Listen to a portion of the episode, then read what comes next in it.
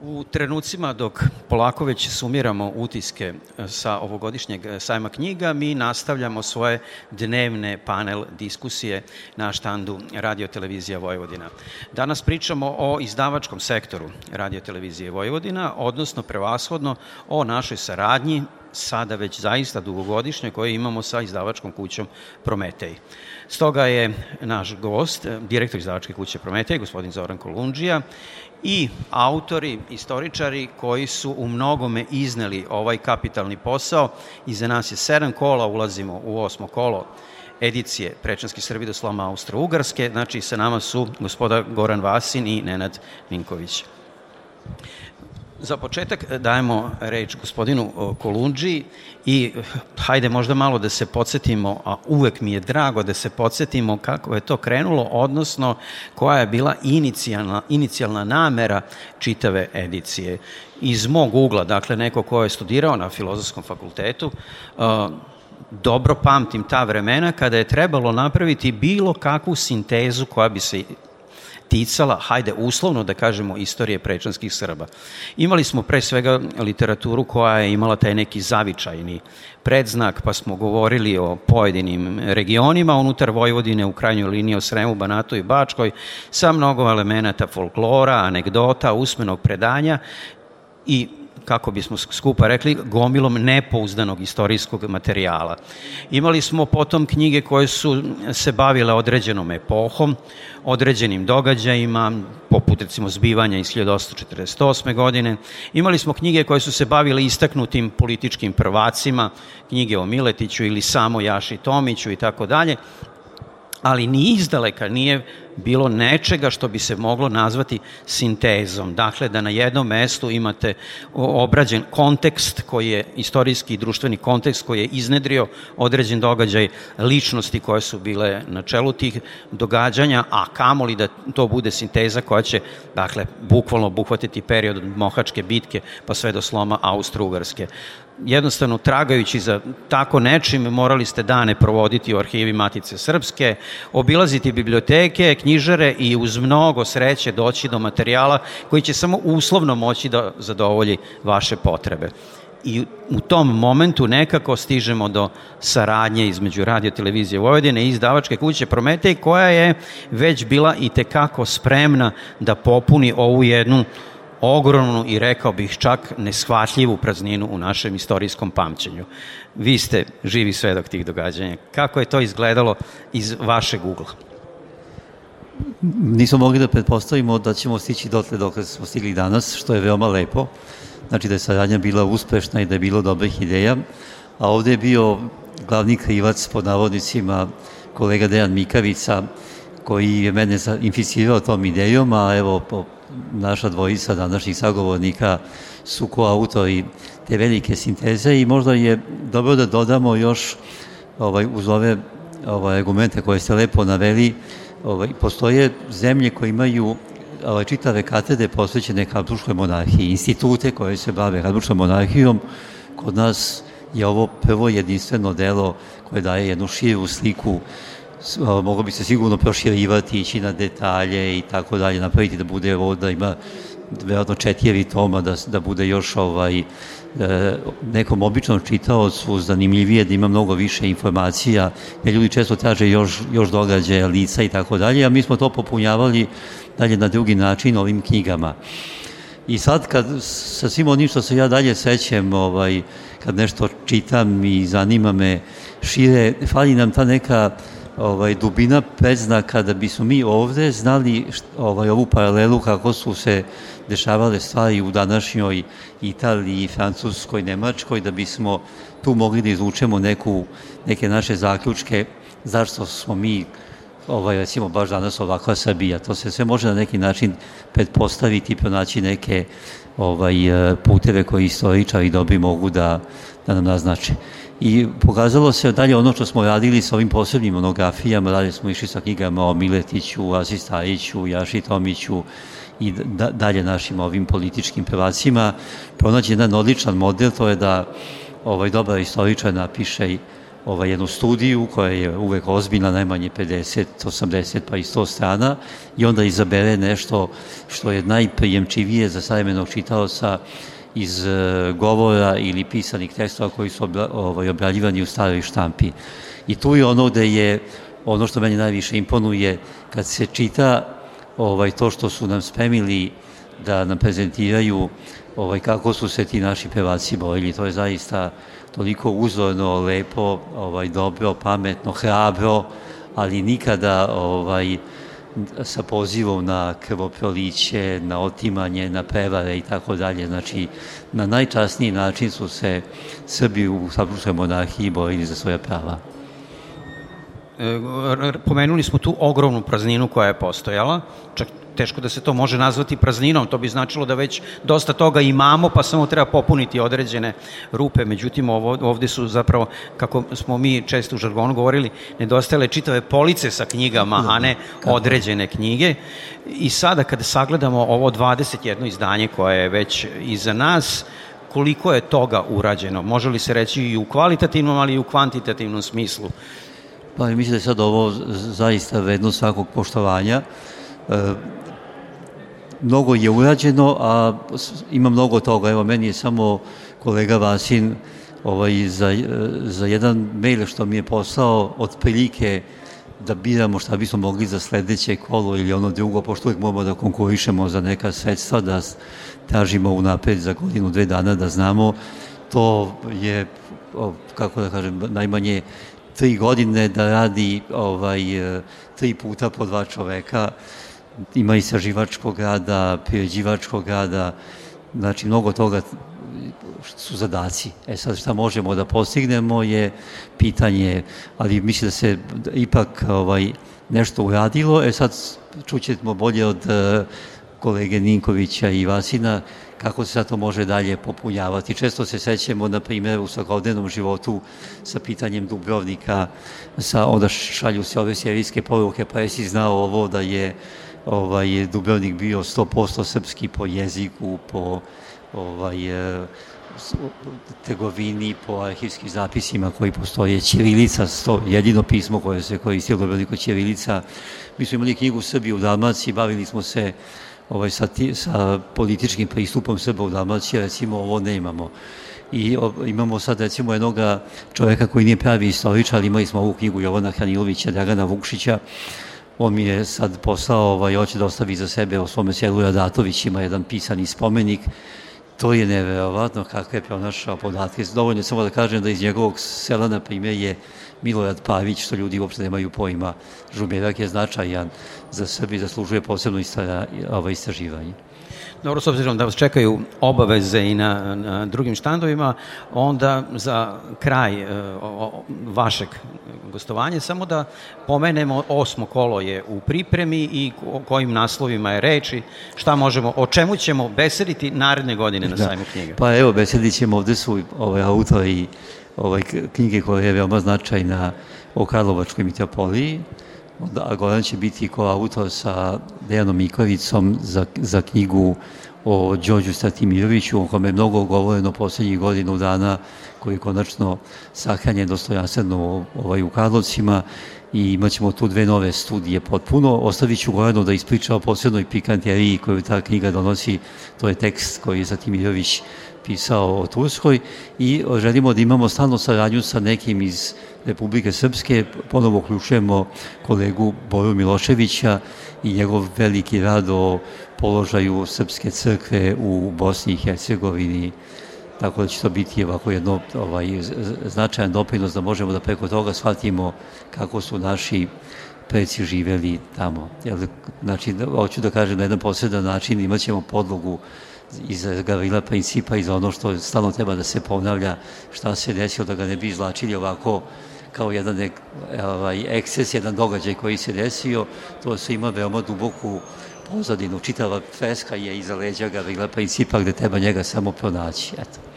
U svakom slučaju, saradnja između izdavačke kuće Promete i radio televizije Vojvodine nastavlja se i dalje. Sa velikim zadovoljstvom, zaista. Hvala vam na Hvala. gostovanju, a mi ćemo sada nastaviti našu uh, priču sa autorima koji su uh, pored kolege Dejana Mikovice i još nekoliko drugih istoričara, zapravo našu inicijalnu ideju od pre 7 ili 8 godina pretočili u stvarnost.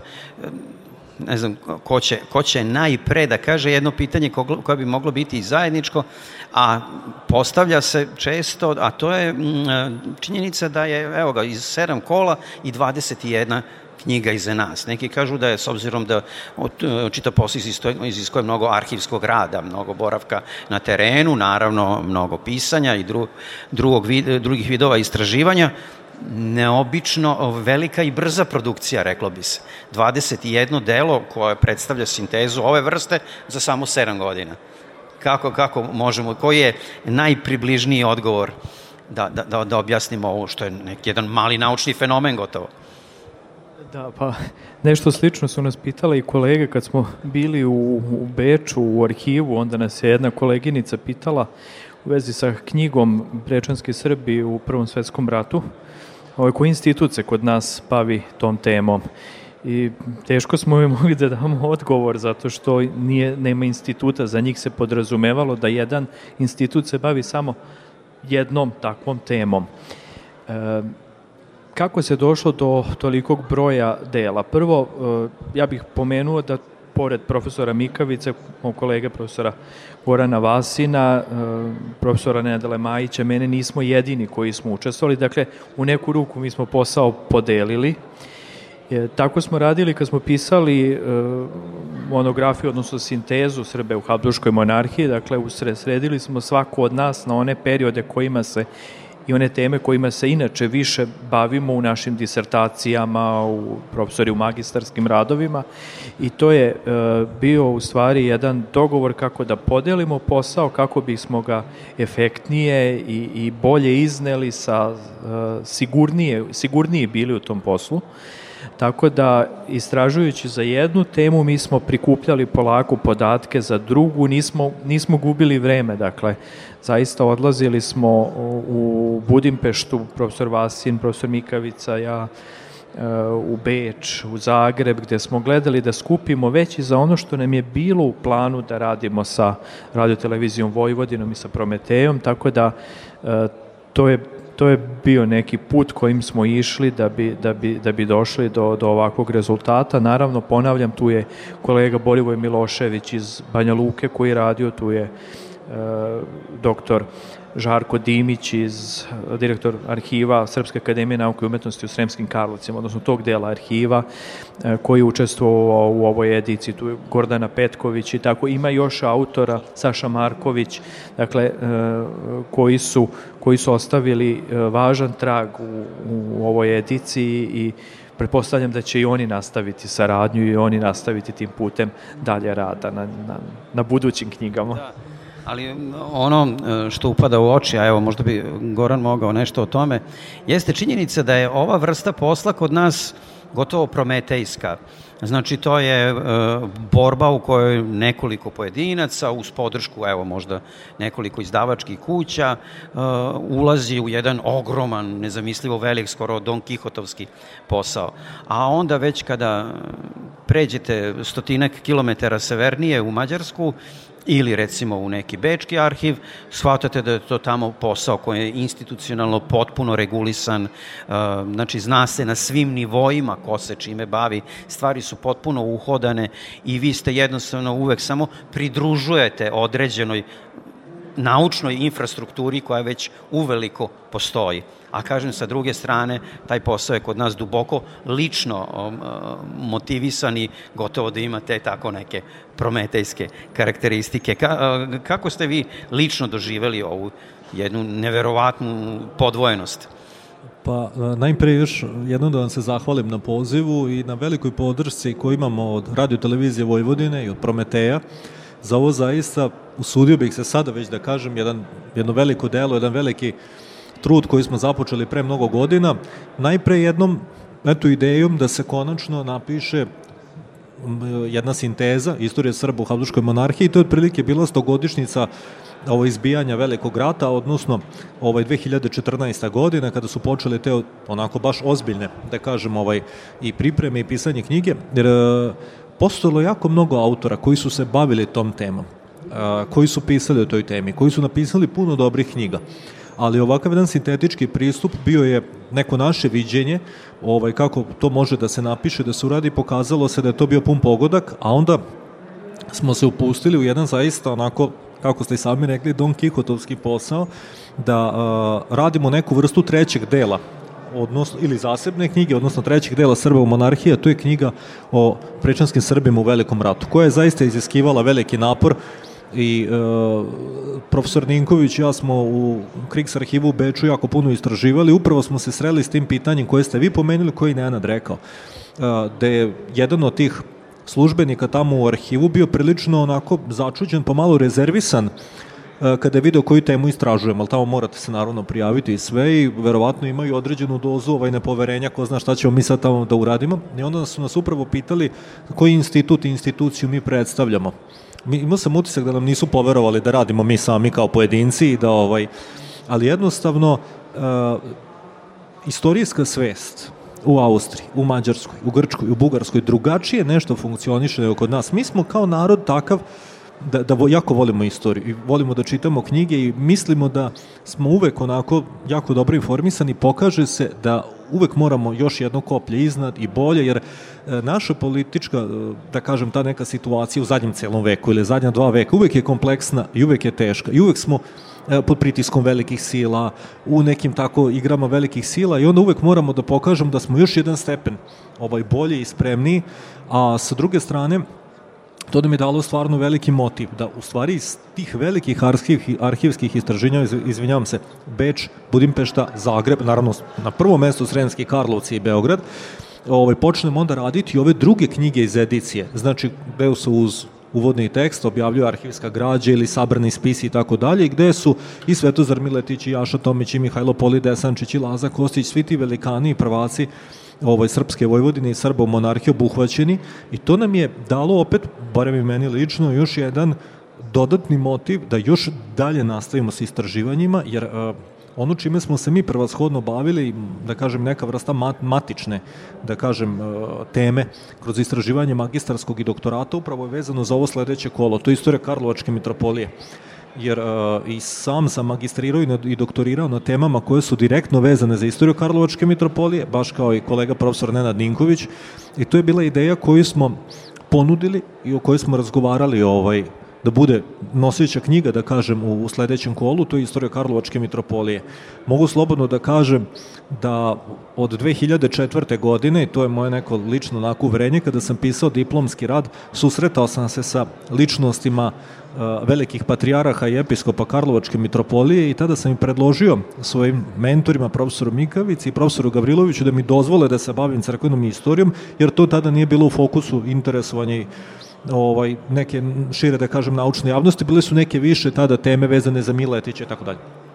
I tako sam počeo taj istraživački put i evo već traje nekih 17 godina u sve ove velike teme koje smo radili. Karlovačka mitropolija je stalno tu, stalno je prisutna i to je tema o kojoj opet mnogi misle da znaju sve, a opet o kojima jako mnogo toga da se kaže. I to nas je podstaklo da kroz svu tu arhivsku građu koju smo pregledali i u inostranstvu i ovde u Srbiji se upustimo u poduhvat pisanja jedne sinteze. Ovo je nova sinteza faktički i ona će u potpunosti zaokružiti sve ono što smo radili i sve te ličnosti i sve te velikane. Tu ima mnogo značajnih i događaja i procesa. Znamo svi za Stefana Stratimirovića ili Pavla Nenadovića ili Georgija Brankovića, ali potrebno je pokazati svu tu punoću da je to ključna srpska institucija za očuvanje srpske duhovnosti, srpskog identiteta u monarhiji u teškim vremenima, da je to institucija koja je bila povezana sa Pećkom patrijaršijom, neraskidivo, i da je ona ključno doprinela opstanku Srba u monarhiji. I da ona jedina srpska institucija u monarhiji koja obuhvatila sve Srbe koji su živeli u njoj. I ne samo sve Srbe, i nego što moramo napomenuti, jer to mnogi ne znaju, nego i sve pravoslavce u monarhiji. To se često prenebregne. I tim pre možemo biti onako da kažem i ponosni na Karlovačku mitropoliju, a sa druge strane daćemo sve od sebe da ta knjiga koja je sad već u, najvećoj meri, da kažem, i napisana da ugleda svetlost dana, sada idu opet neka ona finalna, znate, promišljanja, neke finese, koje ličnost treba više, na primjer, dopisati teksta ili gde treba ubaciti neke zanimljive, značajne podatke za istoriju crkve. I ovaj, to je sada poduhvat kojim se bavimo i naravno ovaj, delo o Đorđu Stratimiroviću, koje je pomenuo i, i gospodin Kolundži, ali koje će biti uh, sa uvodim, onako da kažem, tekstom, jednim potpuno biografskim pristupom znamenitog srpskog vožda. Mi znamo da imamo tri vožda, Karo Đurđe, Kniz Miloš i Đorđe Stratimirović. To je velika tipa za Srbe u monarhiji, to je bila ključna godina opstanka 1848 i otuda ovaj, taj jedan novi interes da se ponovo vaskrsne Đorđe Stratimirović, a sa druge strane da njegov originalno delo koje on napisao mnogo pre nekih drugih, pre Miletića, Polita i tako dalje, gde on sagledavao istočno pitanje i stanje u Turskoj, da se ono ponovo aktualizuje i prezentuje javnosti. A iza svega toga stoji ovaj podrška radio televizije Vojvodine i Prometeja nama istraživačima, istoričarima da da uopšte krenemo sa tom pričom, da se uhvatimo u koštac sa tim temama i da možemo, eto, tokom ove godine ili sajam knjiga ili tokom godine da te knjige budu prezentovane i promovisane.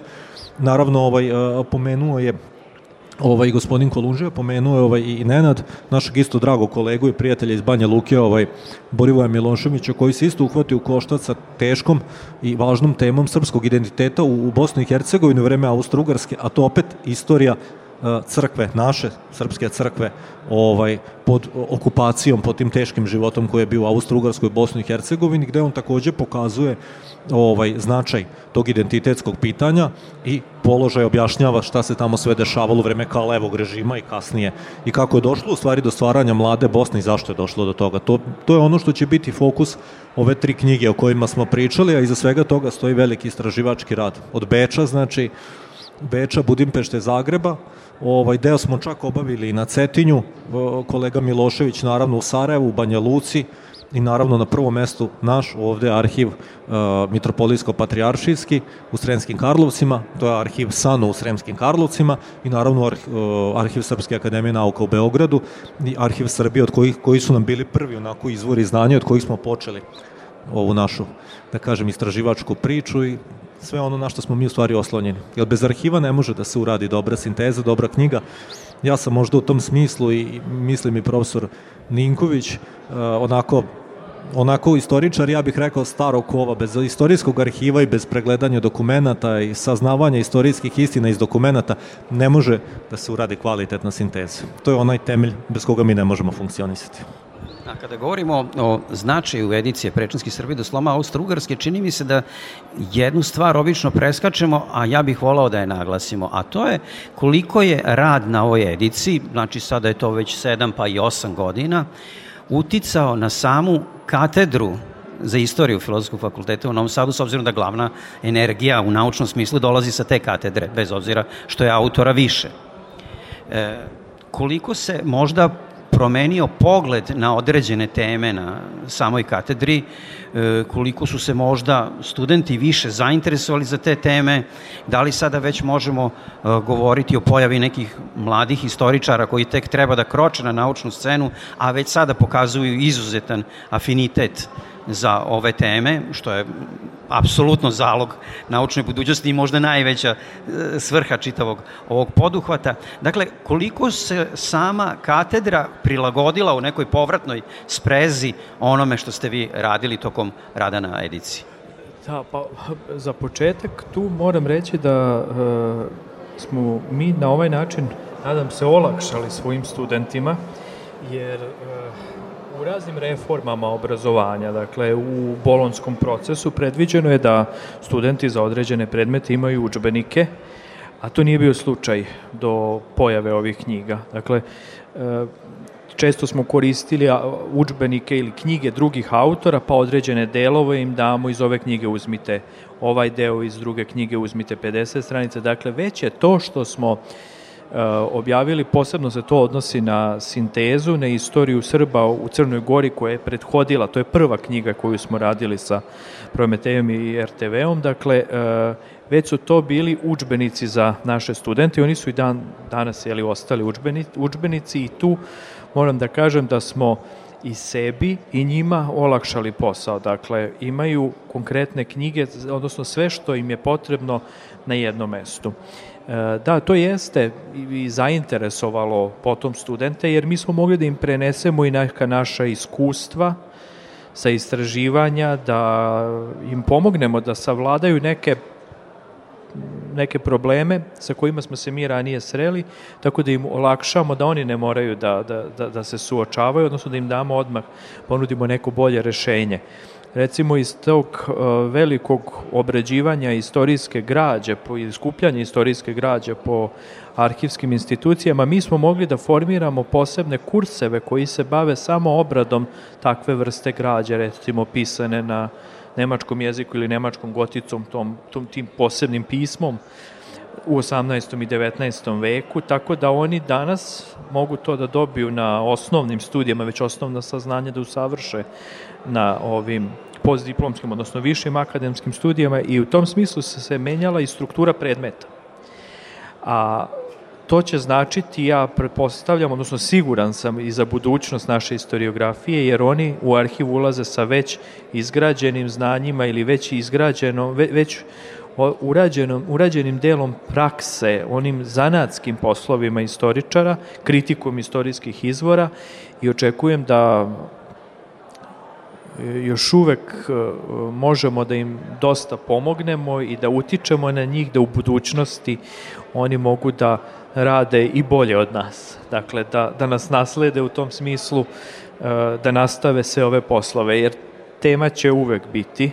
Dakle, poći od jedne sinteze možemo i iz nje iz, uh, dobijati nove teme, upravo ono što je gospodin Kolundžija rekao, mogli bi mi i da proširimo pa da bude i četiri toma, a mogli bi i da napravimo i sinteze jednu još užu za publiku koja, nisu, koja nije, ne pripada baš struci istoričara. Dakle, mi smo svedoci ovo što je rekao i profesor Vasin, da se kod nas u narodu mnogi zanimaju za istoriju, možda za njih bi trebalo napraviti neku užu ili za, za, za inostranu publiku. Dakle, mi nemamo puno istorije, istorija Srba ili posebnih uh, oblasti u kojima su Srbi živele, da su prevedene na engleski jezik kao jezik koji danas najviše ljudi govori ili koji čita i zato smo svedoci toga da kada strani autori nešto citiraju, citiraju samo ono što je njima dostupno. To najčešće nisu kvalitetne knjige i nisu knjige srpskih autora. Ja se u razgovorima na temu ove edicije obično ne ustručavam da pokrenem jedno pitanje koje mislim da onako još uvek je izokola tretirano, a to je pitanje stručne recepcije e, ovih izdanja. Dakle, ova naša diskusija ne slučajno ima tu sintagmu ugaoni kamen istorije prečanskih Srba, jer sam ja recimo ubeđen da je već ono uvodno dvotomno izdanje Srbiju u Habsburgskoj monarhiji od 1526. do 1918. godine zaista ugaoni kamen kada je u pitanju istraživanja ove teme. I kako ja to nekada kažem, u različitim sferama istorijskog interesovanja imate i e, autore koji su gotovo sinonimi za čitavu tu oblast. Dakle, vi ako pomenete istoriju umetnosti, prvo će verovatno, svoj trojice će nam pasti na pamet Jansonova istorija umetnosti. Ako govorite o vizantologiji na ovim prostorima, naravno Ostrogorski i tako dalje i tako dalje. Znači, postoje knjige koje su bukvalno postale sinonimi za sferu kojom se bave istorija Srba u Habsburgskoj monarhiji od 1526. do 1918. je zasigurno jedan od tih ugaonih kamenova koji ima, ima težinu naučnu koju mislim u ovom trenutku čak teško i e, izmeriti koliko je ona zaista kao takva i prepoznata u stručnoj javnosti. Vi ste u prilici da komunicirate sa kolegama iz Beograda, sa kolegama sa drugih katedri u Srbiji, ali i u čitavom regionu. Da li su oni sa, uopšte sa ovim tim izdanjem a nekmoli sa čitavom edicijom dovoljno upoznati i ako jesu, kakav je taj neki javni odjek? Pa, pa mislim da, da ste u potpunosti u pravu. Mi kada smo krenuli ovaj, u ceo taj poduhvat, mi smo očekivali da će ljudi naravno biti zainteresovani, da će knjiga biti čitana, ali mislim da su neka očekivanja i prevaziđena. Mi svuda gde smo putovali, znači Grac, Beč, Salzburg, uh, Zagreb, Budimpešta, gotovo svaka institucija je bila zainteresovana na svoj način da dođe do ove knjige. I sada kada bismo pogledali u taj, da kažem, elektronski pretraživač, videli bi da od nacionalne biblioteke u Beču pa nadalje, biblioteke Mađarske akademije nauka, uh, gotovo sve te institucije imaju primerak istorije Srba u Habsburgskoj monarhiji. I meni je malo onako, ne bih želeo da zvučim pretenciozno, ali zaista vi ste to pomenuli, ja nekako zaista mislim da ovaj veliki trud i ovo veliko zalaganje će biti pred generacijama koje dolaze zaista prepoznata kao jedna od tih tačaka za, za prepoznavanje istorije Srba u monarhiji. Jer pojedinačne monografije svakako, ali sinteze, čitava edicija, pa to je znači za, za sada, govorimo znači za sada preko 20 knjiga, pa to ne može proći neprimećeno. I uh, prethodno pitanje isto koje ste postavili, nadovezao bih se i, i, i na njega.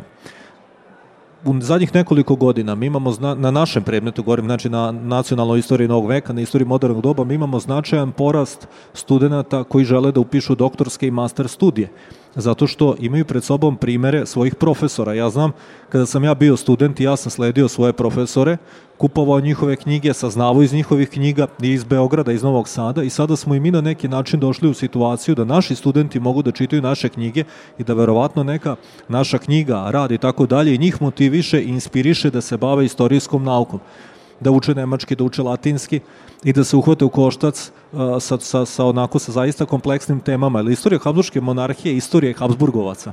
Mi smo stalno, znači, uključeni u tu jednu priču o velikim silama. Habsburgska monarhija je bila uh, ključna, prvo globalna sila, kada gledamo španski, Habsburgi, austrijski i tako dalje. S druge strane, bila je ključna sila jugoistoka i centralne Evrope preko četiri veka. Znači, mi se bavimo istorijom jedne moćne carevine, moćne dinastije koja je tekako uticala na sudbine malih naroda u procesima nekih dugih trajanja. I naravno da onda to zainteresuje i stručnu javnost, i naravno ovaj, i studente i na to sam posebno ponosan, jer uh, svi mi za sebe moramo ostaviti uh, naučni podmladak. Bez toga sve ovo što pišemo zaista nema onu svoju punu svrhu. I zbog toga taj jedan veliki broj mladih, talentovanih, vrednih studenta koji žele da se bave tim temama, meni zaista lično imponuje i svima nama, jer to je signal da radimo nešto dobro i nešto ozbiljno. A Sa druge strane, mi uvek naravno možemo ovaj posmatrati kako ti procesi funkcionišu znači i u nekim drugim institucijama u inostranstvu i e, uočljivo je da to mi je bilo vrlo interesantno, da su oni neki od tih poslova završili pre nas, pa tu sada imamo možda malo čak i opadanje interesovanja za neke nacionalne teme, ali ovaj, mi na to ne treba da se obaziremo, nego prosto treba ovako kao do sada savesno i uporno da radimo na, na istorijskoj građi u arhivima i da publikujemo dalje prosto knjige Naredno kolo ili posle toga, kao što je rekao gospodin Kolundžev, imamo nekih ideja već za nekih malo veći broj knjiga i to može da se radi narednih godina. Jer te teme ne gube na aktuelnosti. Jer vidimo da je turbulentno stanje stvari ovaj, na globalnom nivou, to se odmah preliva znači na prilike na, na mikronivou i stalno istorija tako funkcioniše. I onda ponovo će se javljati nove teme kojima možemo biti aktuelni upravo u svetlu odnosa velikih sila, Srba u monarhiji velikih sila i tako dalje. Mislim da smo zaista na pravom putu. A ovaj opet vezano za vaše pitanje, e, dokle god postoji volja i želja interesovanja mladih ljudi za ove teme i entuzijazam da se odreknu možda nekog, da kažem, izlaska ili putovanja na more ili ne znam, da bi otišli da rade, da kupuju knjige, da, da njihovi najbliži zaista onako se trude da, da, da pomognu u tim nekim istraživačkim poduhvatima mi kao profesori to moramo podržati i podstaknuti te mlade ljude da krenu tim putem kojima smo i mi krenuli. To je put odricanja, tu ima baviti se naukom zaista je e, i odricanje od mnogo čega. To je, često nemate slobodnog vremena, morate da puno čitate, puno da se informišete, i potrebne puno znanja da bi evo ovako kao mi danas mogli razgovarati i da bi ta znanja i saznanja preneli drugima. To je veliko odricanje i ja zaista sam ponosan i na svoje studente i na svoje kolege u tom smislu.